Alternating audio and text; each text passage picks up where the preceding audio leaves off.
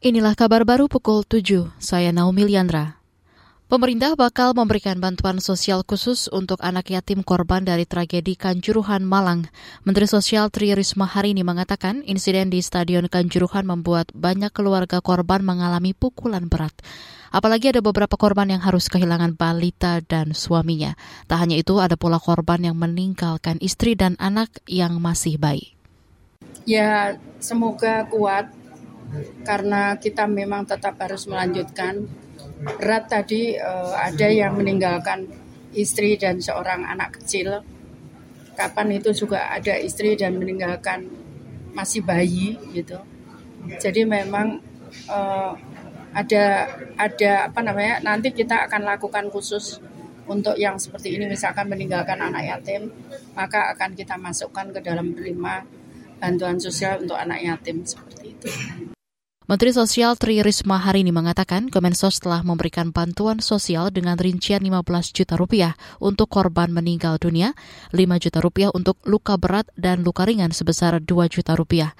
Saat ini pemerintah mencatat tragedi Kanjuruhan 1 Oktober menyebabkan korban jiwa sebanyak 132 orang. Dari jumlah itu 43 orang berusia anak-anak. Badan Nasional Penanggulangan Bencana BNPB mencatat beberapa provinsi di Pulau Jawa mengalami kejadian bencana hidrometeorologi basah tertinggi dalam lima tahun terakhir.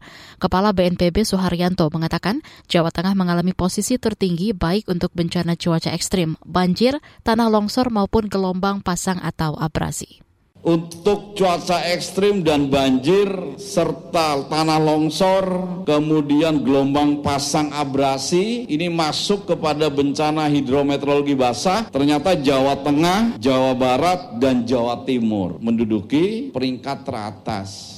Kepala BNPB Suharyanto mencatat historis kejadian bencana tertinggi tersebut dalam periode 1 Januari 2016 sampai 10 Oktober 2022.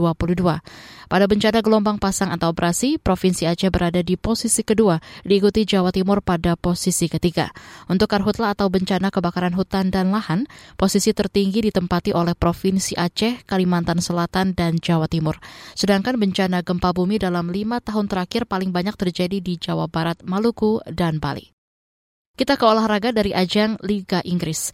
Saudara, klub sepak bola Liverpool memberi kekalahan pertama terhadap Manchester City dalam laga Liga Inggris. Pertandingan berakhir dengan skor 1-0 dengan gol tunggal disumbangkan Mohamed Salah. Kemenangan itu mengangkat Liverpool ke urutan 8 dengan 13 poin dari 9 laga. Sementara City gagal mendekati Arsenal yang masih kokoh di puncak klasemen sementara.